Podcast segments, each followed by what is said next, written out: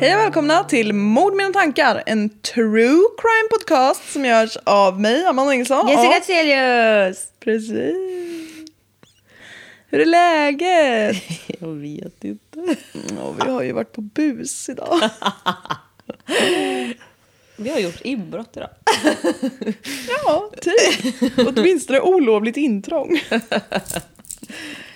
Nej, men vi har ju Jag har varit behjälplig med att leverera en present. present till någons lägenhetsdörr.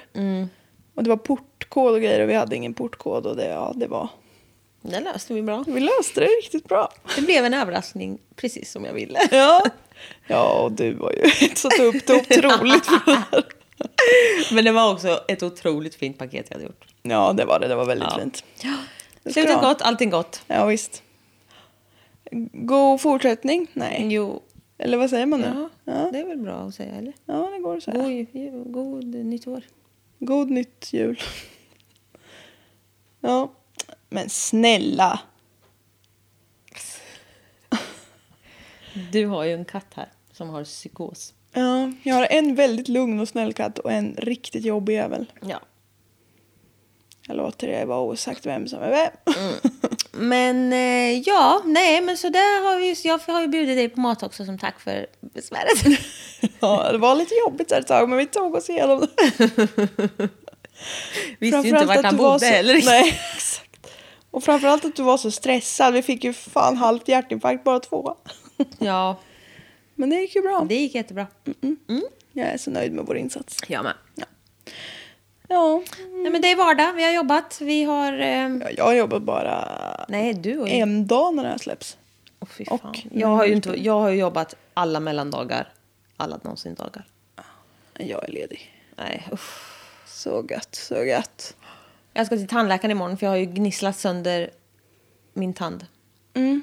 Det var ju högst olämpligt gjort. Jag, vet, jag pressar ihop mina käkar så mycket så mina tänder spricker nu. Mm. Det är fan så jävla pissdåligt. Och jag har ändå en sån här jävla porrig skena som jag sover med. Ja. Men alltså jag har ju så spända käkar så det är helt sjukt. Ja, Så nu ska du göra lite fillers. nej. Jag ska göra en tandlagning. Men jag vill ha botox i käken. Ja. Så att jag inte kan pressa ihop. Nervgift. Icke att förväxla med fillers. Eller botox någon annanstans. Men eh, nog om det. Det kan bli en följetong om jag får en ny tand imorgon eller inte. Och det kommer bli dyrt också. munhälsa. Ja. Vi Alltså, kan ägna en hel podd åt det. alltså det här året har jag lagt så mycket pengar på tänder och bilar. Det är, där du, det är dina två största intressen i livet. Fan vad hemskt. Mun, negler och bilar. Fy vidrigt. Det är Kalle som säger så. Säg, säg aldrig sådär. Nej, jag tänkte börja på ett case här istället om det kan Gör det. gå för sig.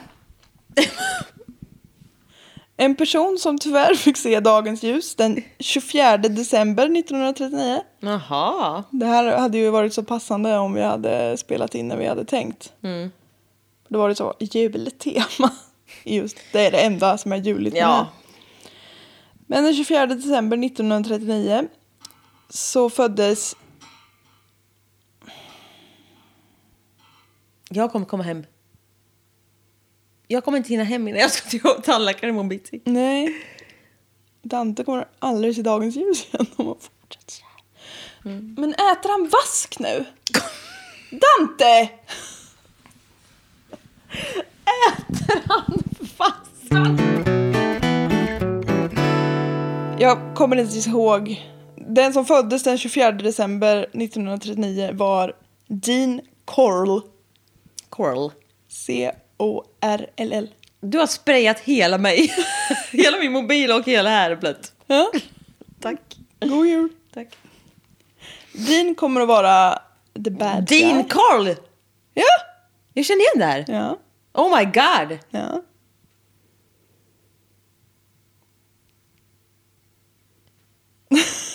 Vilket stirr. Är han the Candyman? Ja. Ja, enough said. Enough Go. said. Dean Corll är the bad guy. Han eh, i den här storyn då. Och nog är allas. Ja.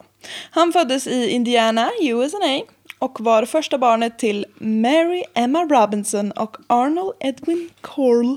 Jag tror du skulle säga Emma, am I right? Emma, am I right? Robinson. Han kommer, han kommer få en bror. Han kom, nej jag vet inte vad jag har skrivit. Men sen, alltså jag är ju typ varit full. Han kommer få, jag ska, skriva, jag ska läsa exakt vad jag har skrivit. Han kommer få en bror till Lille Dean. Men sen tror jag att det bara blev lite halvsyskon också. Toppen research. Ja, det är jättebra. Tydligt så bra. Ja, rakt av. Det hörs ju att jag är jurist och duktig på att uttrycka Ja. mig. Föräldrarna hade nämligen inte ett superbra äktenskap. Nej. Pappan... Var det därför det blev halvsyskon eller vad menar du? ja, tydligen.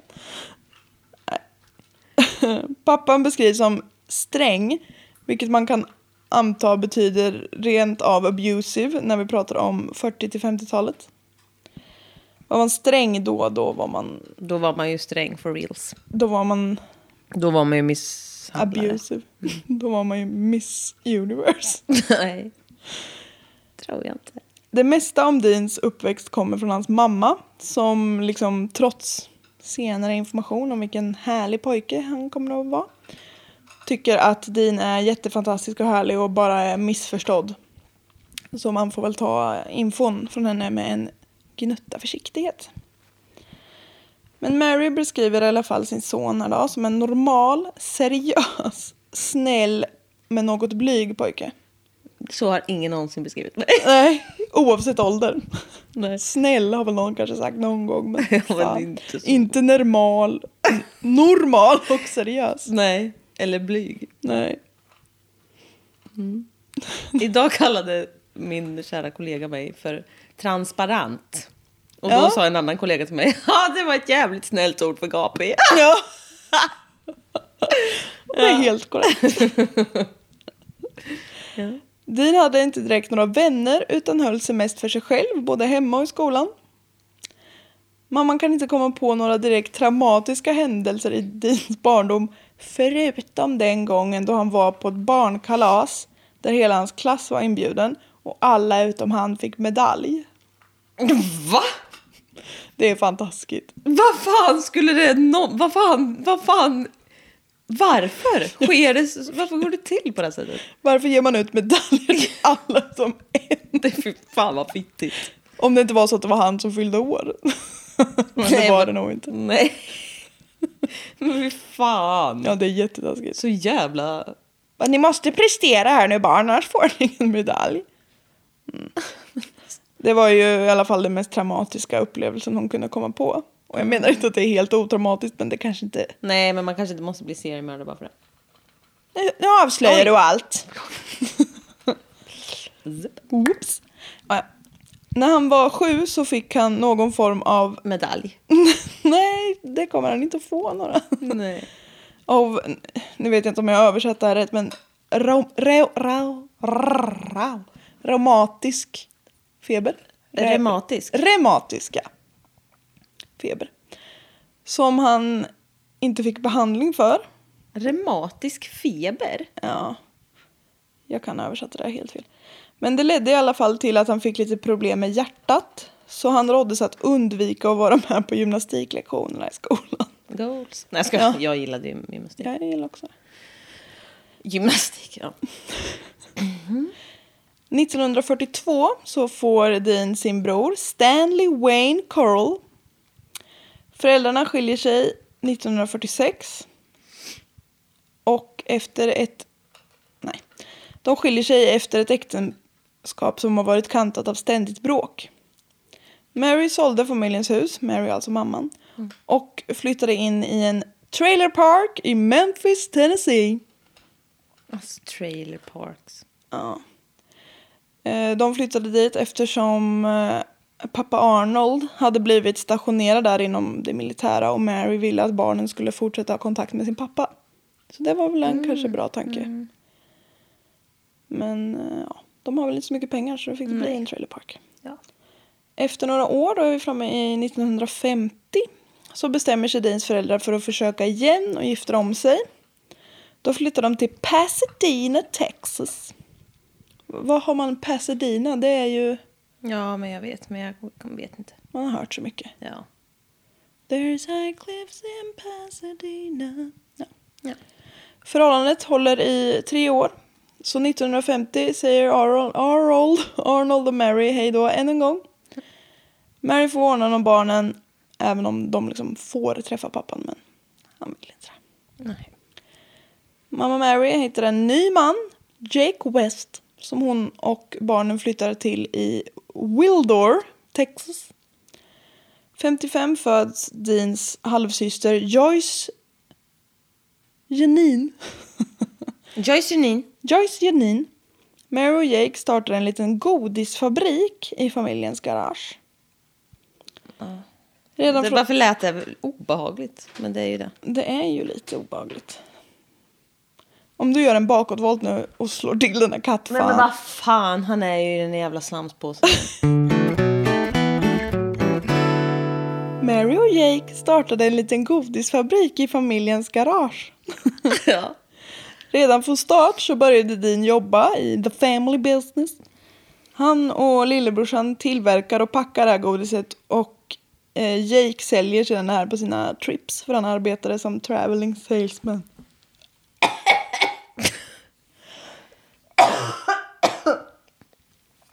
Så här illa brukar det inte gå. Nej, det håller jag helt med om.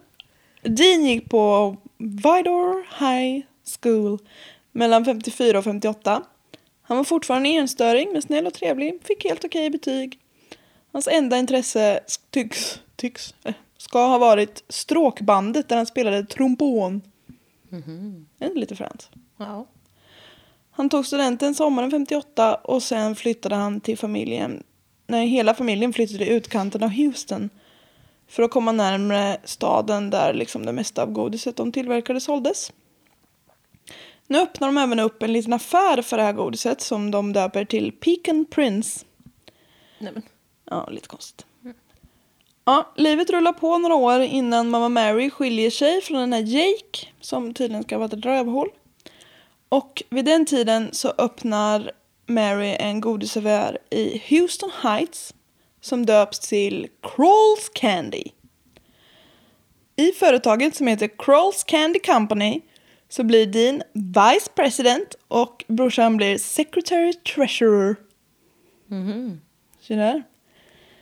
The Heights är ett eh, väldigt fattigt och utsatt område. Socioekonomiskt utsatt, eller man säga. Det ska ha varit en, på den här tiden, jag vet inte om det är fortfarande, men på den här tiden, en så kallad sundown town. Vilket är typ det hemskaste jag har hört. För det innebär att svarta varnades från att gå ut efter mörkrets inbrott. För då var det Nej. livsfarligt. Och fy fan att det finns, att det är så här. Och det var liksom, Och fy det fan. satt skyltar uppe om det här. Bara så ni vet, när ni är ute, det här är en sundown town, så är ni ute så är det på er egen risk typ. Men... Nej men alltså vad fan. Ja, det är riktigt vidrigt. Det är som så här, kvinnor får inte gå ut den här tiden. Ja. Och så, va, alltså, vad fan? Ja. Ja, Det är lite farligt för er så det är bäst det vi skyddar er faktiskt genom att säga what det var inne. Ja, att ni får fucking så husarrest typ. ja. Ja, men fy fan vad hemskt. Ja, jättevidrigt. Men så är det ju Texas också. Fy fan vilket jävla pissland. Ja. Hela skiten. Dean flyttar ut då och bosätter sig i en lägenhet som ligger ovanpå godisaffären. Så han flyttar inte så långt. När de kommer till, eller nej, när det kommer till Deans privatliv så har han haft en del flingar med tjejer eh, och lite längre relationer. Men de tog slut när de här tjejerna ville gifta sig. För det var inte han så sugen på. Godisaffären däremot eh, gick riktigt bra.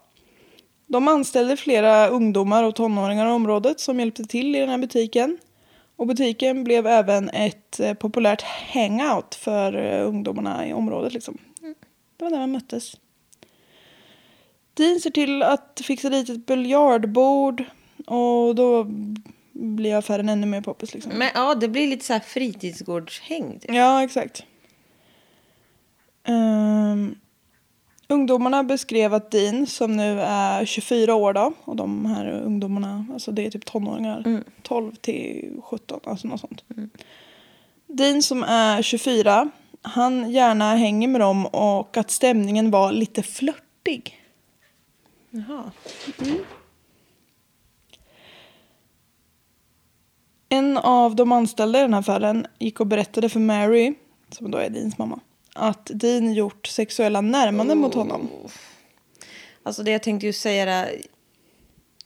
En flörtig stämning mellan, det är inte, Mm. det är inte bra. Det är inte helt... Nej.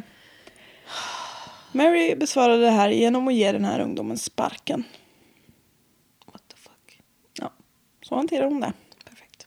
Perfekt. 1964 så skeppas Dean till Indiana för att tränas inom armén. Mm. Han jollade runt lite och liksom skötte sig bra enligt militärens records. Han uppskattade dock inte militärtjänsten så värst. För efter tio månaders tjänstgöring så ansökte han om och beviljades så honorable discharge. Mm. Han angav att det var för att han behövdes i familjeföretaget. Mhm. Och det kanske han gjorde för all del. Eh, enligt Dean själv så var det under den här militärtjänstgöringen som han förstod att han var homosexuell. Och att det även var där han hade sin första homosexuella upplevelse. Utan att nämna några detaljer.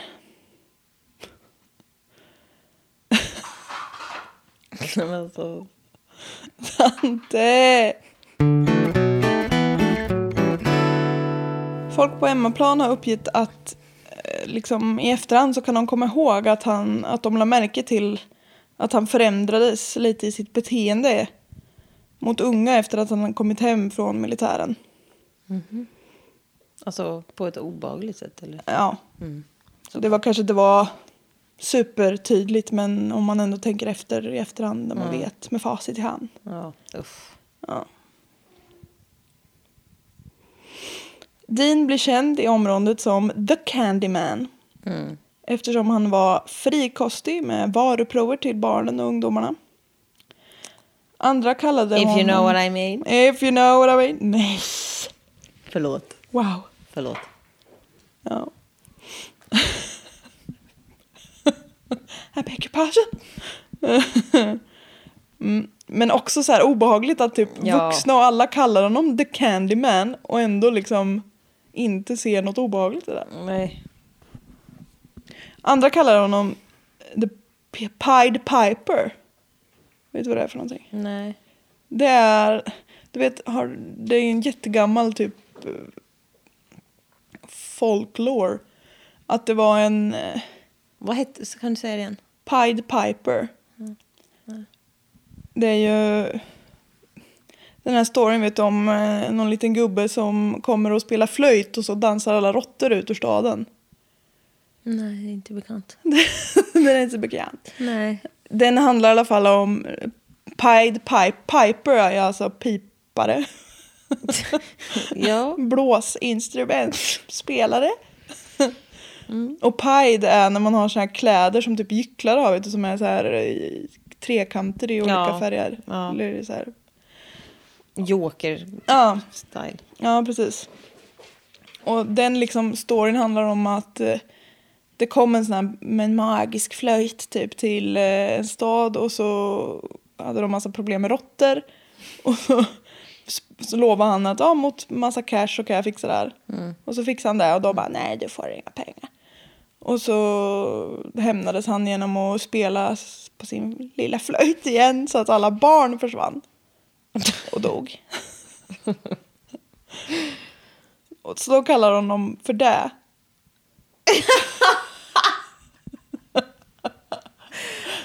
Fy fan. Ja, så han är liksom så. Antingen är han the Candyman eller Nej, men- han som fick alla barn att dö med sin flöjt. Nej men fy fan. Otroligt. Nej. Googla på Pied Piper ska ni få se. Det är en rolig historia. Ja. Mm. Du har inte funderat på att köra den med dina katter här? Jo. I alla fall en av dem. Ja.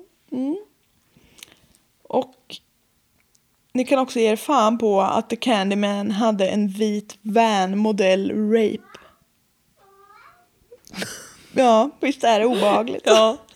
ja, jo visst hade han det. Det hade han. Det vet vi ju. Det vet vi.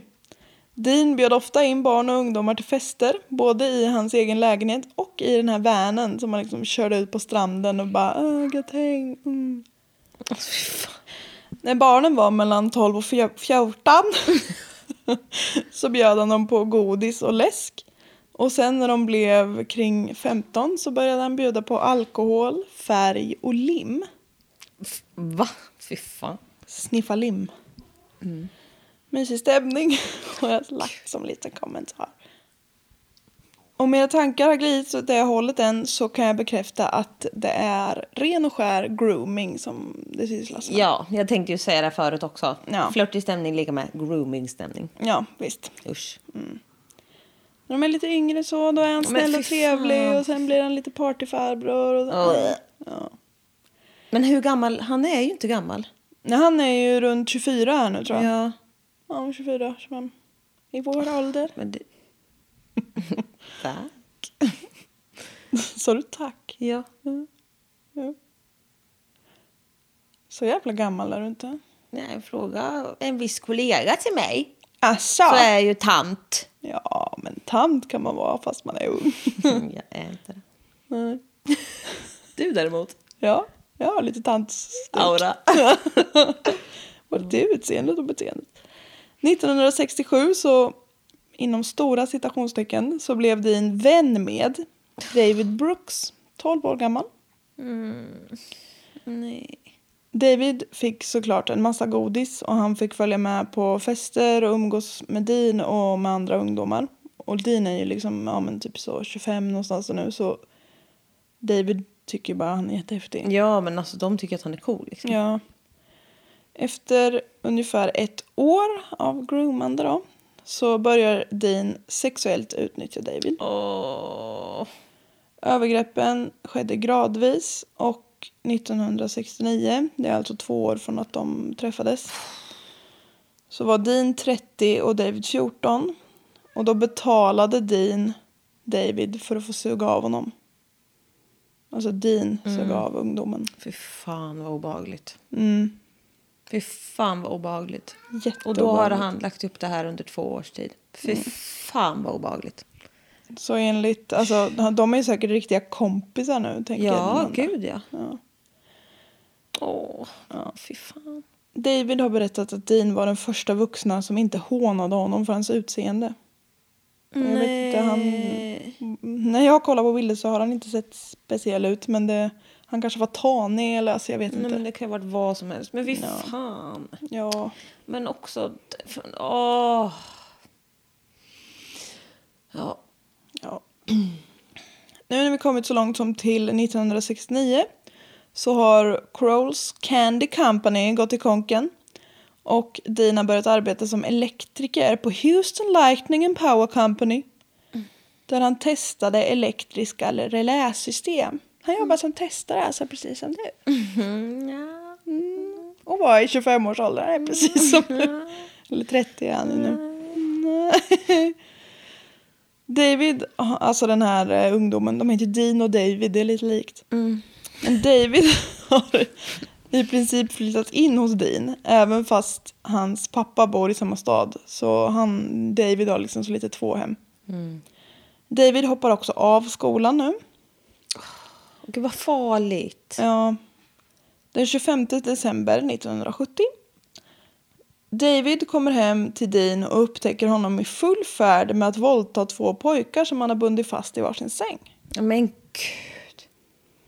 Den ena var 18 år gamla. Vänta, hans pappa kommer hem? Nej, Nej, förlåt. förlåt. David kommer hem. David kom hem. Ja. Var fick jag pappa Ja, nej men gud vad hemskt. Ja. David kommer hem till Dean och upptäcker Ja, Dean. ja. Den ena av de här fastbundna pojkarna var 18 år gamla Jeffrey Conan. Och den andra vet man än idag inte vem det var. Nej men gud. Dean övertygar David om att det inte är så illa som det såg ut. Utan Det var nämligen så här att han var ju med i en pedofilring som skulle sälja de här porkarna vidare. Och nu höll han bara... Porkarna? Porkarna. Och han...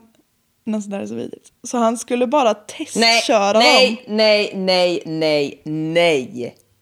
innan han sålde dem vidare. Det var inte så farligt. Det var inte så farligt. Alltså f- Och vad fan? Va, förlåt?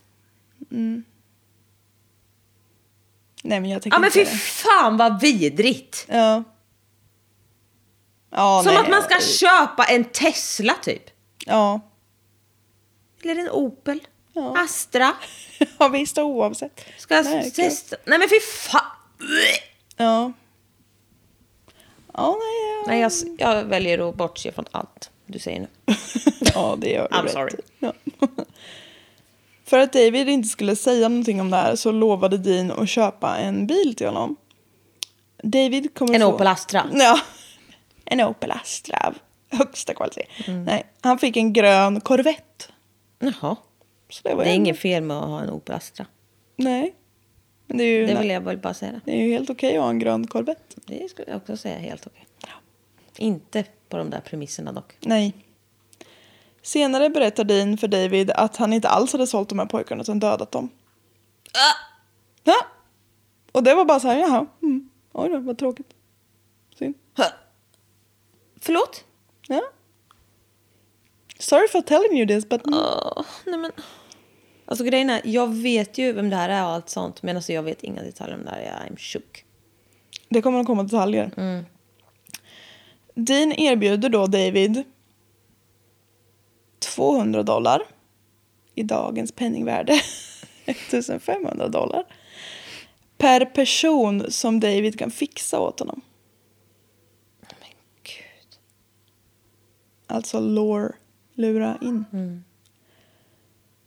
Det här är starten på en väldigt lång rad försvinnanden av unga pojkar i Houston Heights. Ja, för fan alltså. 13 december 1970 så följer James Glass och Danny Yates med David efter att de, David har sagt att han visste ett nice ställe att festa på.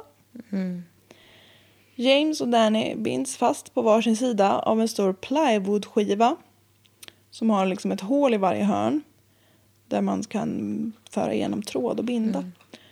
Den här kallar Dean för sin torture board. Ja, fy fan ja. De här pojkarna blir våldtagna, torterade och strypta till döds. Åh, fy fan det är så jävla hemskt. De begravs i ett boat shed. Alltså det är typ ett, Ja, ett skjul ja. vid hamnen. Så det är Ja. liksom inte en båt. Nej, det är, det är ett båtskjul ja. ja. Och bredvid Dannys kropp då så hittar man en elkabel med bilklämmor på. Som då antagligen har använts i tortyren av honom. 30 januari 1971 så lurar Dean och David in Donald och Jerry Waldrop i vanen. De är 15 och 13 år gamla. Även de kommer att bli våldtagna, torterade och strypta till dö- döds. Det är alltså två bröder. Mm. 9 mars, Då var jag född. då var du född. Inte det här året, men Ett annat år. ett annat år. Randall Lee Harvey, 15 år, försvinner på väg hem från ett extrajobb. Han blev skjuten i huvudet. Nej men. 29 maj. David William Hillegeist. Åh, oh, vilket härligt efternamn. Ja. Hillegeist. Eh, 13 år. Och Gregory Mally Winkle, 16 år. Såg senast när de klev in i en vit van. Båda kommer senare att hittas i det här båtskjulet. Gregory, som hade jobbat på den här godisfabriken. Han har ju som sagt han har ju groomat jättemånga. Hittades med sladden som han hade blivit strut med fortfarande runt halsen. 17 augusti. Ruben Wilford Watson Haney, 17 år. Det är viktigt att de har alla mellannamn. Han försvann efter att han hade ringt sin mamma och sagt att han skulle sova över hos David. Åh. Alltså fy fan vad många det är som bara försvinner och de är jätteunga. Ja. Ja, och vi är inte klara än på ett tag. Någon gång under vintern 1971 så tar David med sig sin vän Wayne. Wayne Wayne Henley. Han heter nog bara Wayne en gång. Skulle jag tro. Han är 15 år i alla fall. Wayne var bästa vän med ett av Deans tidigare offer och han hade hjälpt den här, det här offrets föräldrar att sätta upp missing person affischer och sånt över stan. Fan. För liksom föräldrarna till de här pojkarna vart ju jätteoroliga och utom sig och bara Ja, hallå var är våra barn? Ja. Ja men fy fan. Och eh, Och polisen... förstå också en så, då det så att båda mina söner är fucking borta. Ja. The police couldn't care less. Va? Det, de kör ju på det här runaway-kortet. Ja, De är allihopa de runaways. säkert.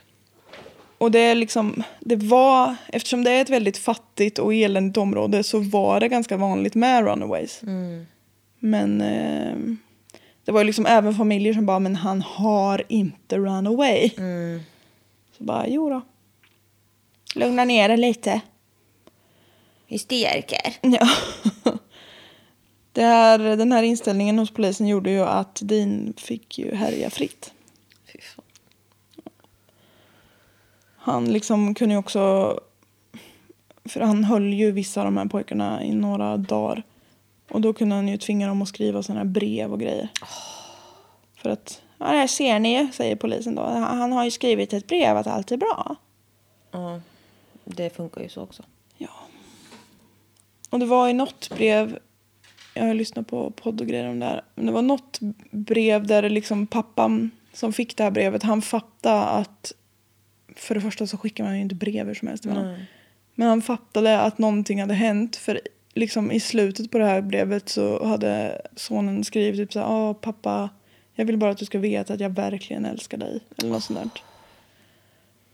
Så det var liksom så tydligt att det var ett hejdå typ. Åh fy fan vad hemskt. Mm. Ja, Fan, fy fan. Den här Wayne då lurades som sagt med hem till Dean och David. Tanken var att han skulle bli nästa offer. Men Wayne och Dean, de klickar liksom. Så himla bra. Åh fy fan vad vidrigt. Ja, På något sätt. ja eller hur? Så Dean bestämmer sig för att, han, för att liksom David behöver en till kollega. Han berättar för Wayne om den här pedofilringen. Som inte finns. Eller finns, men inte just någon som han är med i. Nej. Och han erbjuder även honom de här 200 dollarna per pojke som han får. Och grejen är att Wayne och David får betalt ibland för de här pojkarna de lurar till honom. Och ibland inte, ibland så här, ah, du får lite mat sen, eller ah, skit i det, eller så. Och ibland får de betalt. Wayne säger att han liksom först ignorerade det här och bara uh, lägg av. Så här, du är helig att hänga med men sluta vilja att jag ska ta hit massa småpojkar.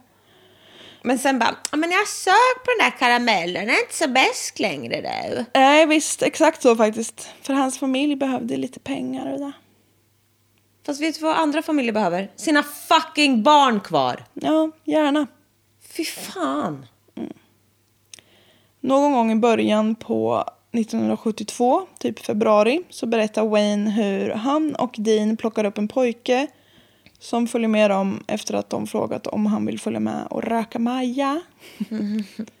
Väl hemma hos Dean kör Dean och Wayne den här gamla hedliga handbojetricket. Som John Wayne Gacy körde med, vet du. Att eh, de lurar alltså den offret att de själva kan komma ur de här handbojorna. så de tar på sig dem själva men de har ju nyckeln typ i bakfickan. Eller så. Ja. så då kommer de ur dem där och så bara Ja, man har det skill så kommer man ur de här typ. Kolla själv eller testa du nu. Fan. Och då- fy fan vad evil. Ja, och nu är de ju två stycken. Det är både Dean och Wayne som gör det här. Så det ser ju liksom helt så här, ja, så det går om man liksom kan. Men då lite behändigt va, så har de ju handbojat sig själva, pojkarna. Eh, Wayne ser på när eh, den här pojken då blir gagged, alltså munkavlad, kavlad och bunden. Sen så lämnar han Dean ensam med den här pojken och säger att han trodde att han liksom skulle säljas till den här pedofilringen. Och vem den här pojken var är okänt. Nej men gud. Mm. Åh, men det tyder ju också på att det är liksom... Att det är hemskt. Ja, det Alltså, tyder det nej på. men det kan ju, alltså... Ja. Fick inget hjälp eller någonting känns det som. Nej, Fy nej fan. precis. 24 mars. Min mammas ettårsdag här. En bekant till Wayne, Frank Aguirre. Aguirre. Aguirre. Quagmire. Frank Quagmire. Exactly. Frank, 18 år, luras med hem till Dean för att röka på och dricka sprit. Wayne påstod att han inte visste om Dean, att Dean hade den här planen med Frank och försökte få honom att inte skada Frank när han såg att Dean liksom band och munkavlade honom. Men mm, det kanske han visst visste. Frank kommer våldtas, torteras, mördas och begravas ute på en strand. Fy fan alltså, vilka fruktansvärda jävla sista minuter, eh, timmar av livet. Dagar i vissa Ja fall. men fy fan. 20 april. 17-åriga Mark Scott kidnappas. Dean, David och Wayne lyckas inte lura med sig honom utan de fick liksom ta till våld. Mark kämpar för sitt liv och liksom försökte attackera dem med kniv som han hade med sig. Men när han liksom såg att Wayne, Wayne, Wayne riktade en pistol mot honom så gav han bara upp. Allt hopp liksom bara rann ur honom. Han bands vid den här tortureboarden, blev våldtagen, torterad, strypt till döds och begravd på samma strand som Frank. 21 maj. Billy Balch, 17. Ehm, även han en före detta arbetare på den här godisfabriken eller affären. Och Johnny Delome, 16 år. Båda de här binds i Deans säng och blir våldtagna och torterade. Sen kommer Wayne och stryper Billy med sina egna händer. Så han är högst aktiv. Vänder sig till Johnny och skriker Hej Johnny! Nej men, Ja, jätteobehagligt. Och skjuter Johnny i ansiktet. nej men vad fan. Och när kulan går ut genom örat. Johnny är fortfarande vid medvetande och ber för sitt liv innan Wayne stryper honom med. Nej. Båda de här begravs på stranden. Alltså det här är typ en public beach. Det är inte så ett litet avlägset område utan det är så... Unga gräver sandslott om, Ja, men typ. om ett par dagar. Ja. Vad bra. Perfekt. Ja, Men fy fan. Jag... Någon gång i juni så luras 19-åriga William Ridinger till Deans hus. Han blir fastspänd på tortyrbrädan, våldtagen och torterad.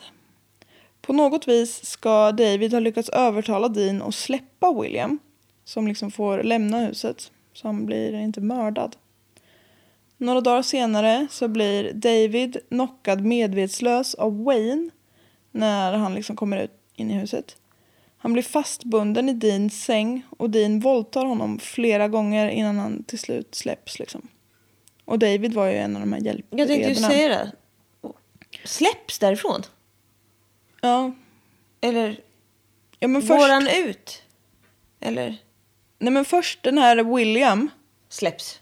Han släpps och får gå fritt därifrån. Ja, sen kommer David. Sen kommer David typ nästa dag och Ja. blir nedslagen. Ja. Och eh, fastbunden Helt och våldtagen. plötsligt. Ja.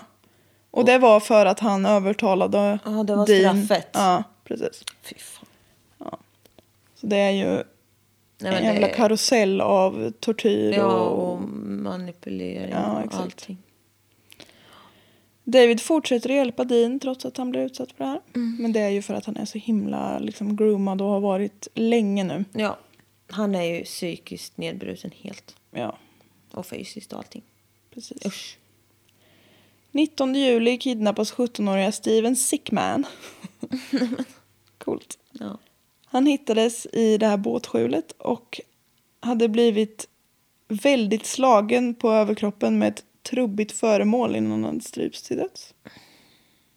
Man vet ju inte så mycket mer. Liksom. Nej. 21 augusti, 19-åriga åriga Roy Bunton. Eh, även han hittas i det här båtskjulet, skjuten två gånger i huvudet. Både Steven och den här Roy identifieras inte förrän 2011. Va?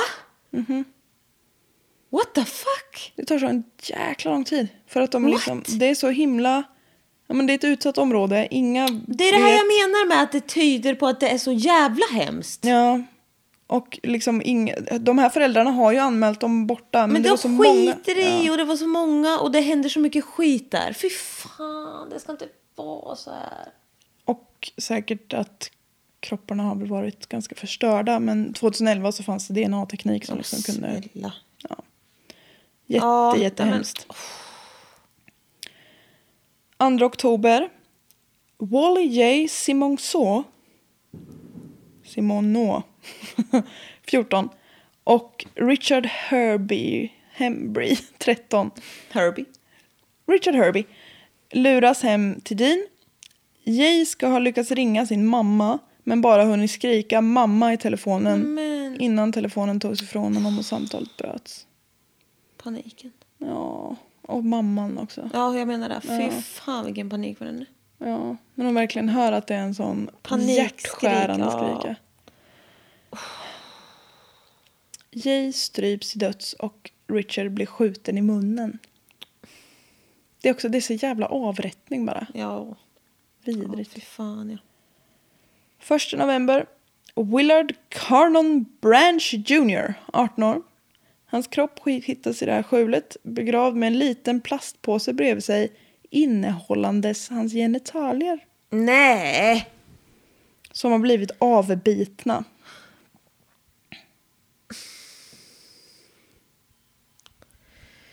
Och jag läste, det var liksom en...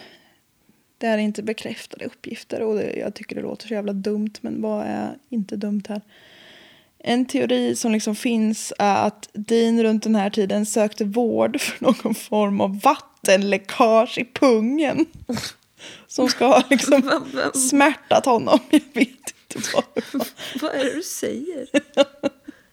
Han hade flöt ut vätska i pungen som inte skulle vara där och det gjorde tydligen ont. Och det fick honom så upprörd att, Att han, han hanterade sin egen smärta genom att bita av någon annans genitalier. Jag undrar jag. Fy fan. Ja. Men, 15 november. ja, ja. Richard Kempner, Kepner, 19 år. Han hittas begraven på stranden. Ja, det var ju kort och koncist. ja. Vi är nu uppe i 19 mordoffer Shit. och vi är inte ens klara. Men nu räcker det väl? Vi är klara för idag, men vi är inte ja, I klara. can't take no more alltså. Alltså 19! Mm. Och han bara håller på. Han kör ju typ en i månaden. Det bara rullar på. Mm. Och att det är två ungdomar som liksom tar dit sina kompisar. Ja. Nej, Eller det är, ju inte deras kompisar kanske. De bara kanske låtsas att det är deras kompisar. Jag Ja. vet inte. Nej. Men, ehm, ja. Det ringde ju en telefon. Jag svarar ju aldrig i telefon när det Nej. ringer. Jag svarar alltid i telefonen. Ja, så då gav jag den ju till dig. När det ringde ett okänt nummer. Ja. Ehm, och eh, Då var det ju någon från något jävla mobilabonnemang. Ja. Ja, ja, Hanna. Från Ja. något jävla så. Hjortron. Halland. Ja, här försökte man ju vara lite, men okej. No spons. Men i alla fall, och då, så du bara, ja, jag är intresserad. Jag glömde ett väldigt viktigt ord och det var inte. Snabbt så bara, ja det är Hanna från Halland. Ja, jag är intresserad. Och hon var helt spak. Ja. Du bara, nej. Jag glömde. Jag är inte intresserad. Stackars Hanna. Herregud, stackars. Hanna på Hallon. Vi önskar dig all lycka. Ja. Så kommer därifrån. Ja. Och du la på jag bara, nej det där gick ju bra. Det gick riktigt bra. Jag höll mig nästan till manus. Riktigt taggad, jag är intresserad. Ja. Ja. ja, jag är intresserad ska du veta Hanna. Jävlar vad intresserad jag är. Berätta mer. Ja, omedelbart. Ja, nej, gud. En annan gång ringde de och var också en jävla...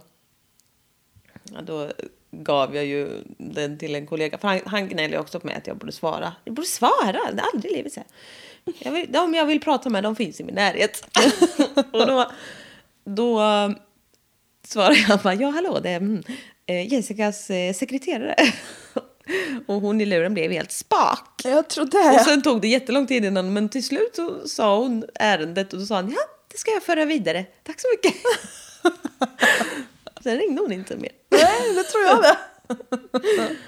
De måste vara med om så mycket skit Ja. de där stackarna. Ja, Ja, men de ger också mycket skit. ja det är jobbigt, jag klarar inte av. Ja, Ja, ja, den här skiten. tog oss flera timmar, vi är helt slut. Ja. Vi får se när, om det kom i tid eller det gjorde nog inte. En dag för sent hit och dit, får ni fan ta. Vi har, det här är allt på grund av en katt. Ja, det är väldigt mycket på grund av den jäveln. Det är också lite på grund av dig. Ja, det måste jag säga. Det är på grund av mig också, i förväg. Ja. Men det här hade jag inte räknat med. Nej, nej det vart lite Men det var dubbelt. mycket idag som inte gick riktigt enligt min plan. Ja, Men det det har ändå löst sig bra. ja jo, jag, jag är nöjd. Ja, nej men del två kommer ju nästa vecka och det ska bli fruktansvärt. Ja, det kommer att bli. Eh, I look forward to it. Mm. Ja, vi Ta skiter i det hand här om nu. er. Ja, för all Och del. så. Hej då. Ha det gott. Hej. Hej.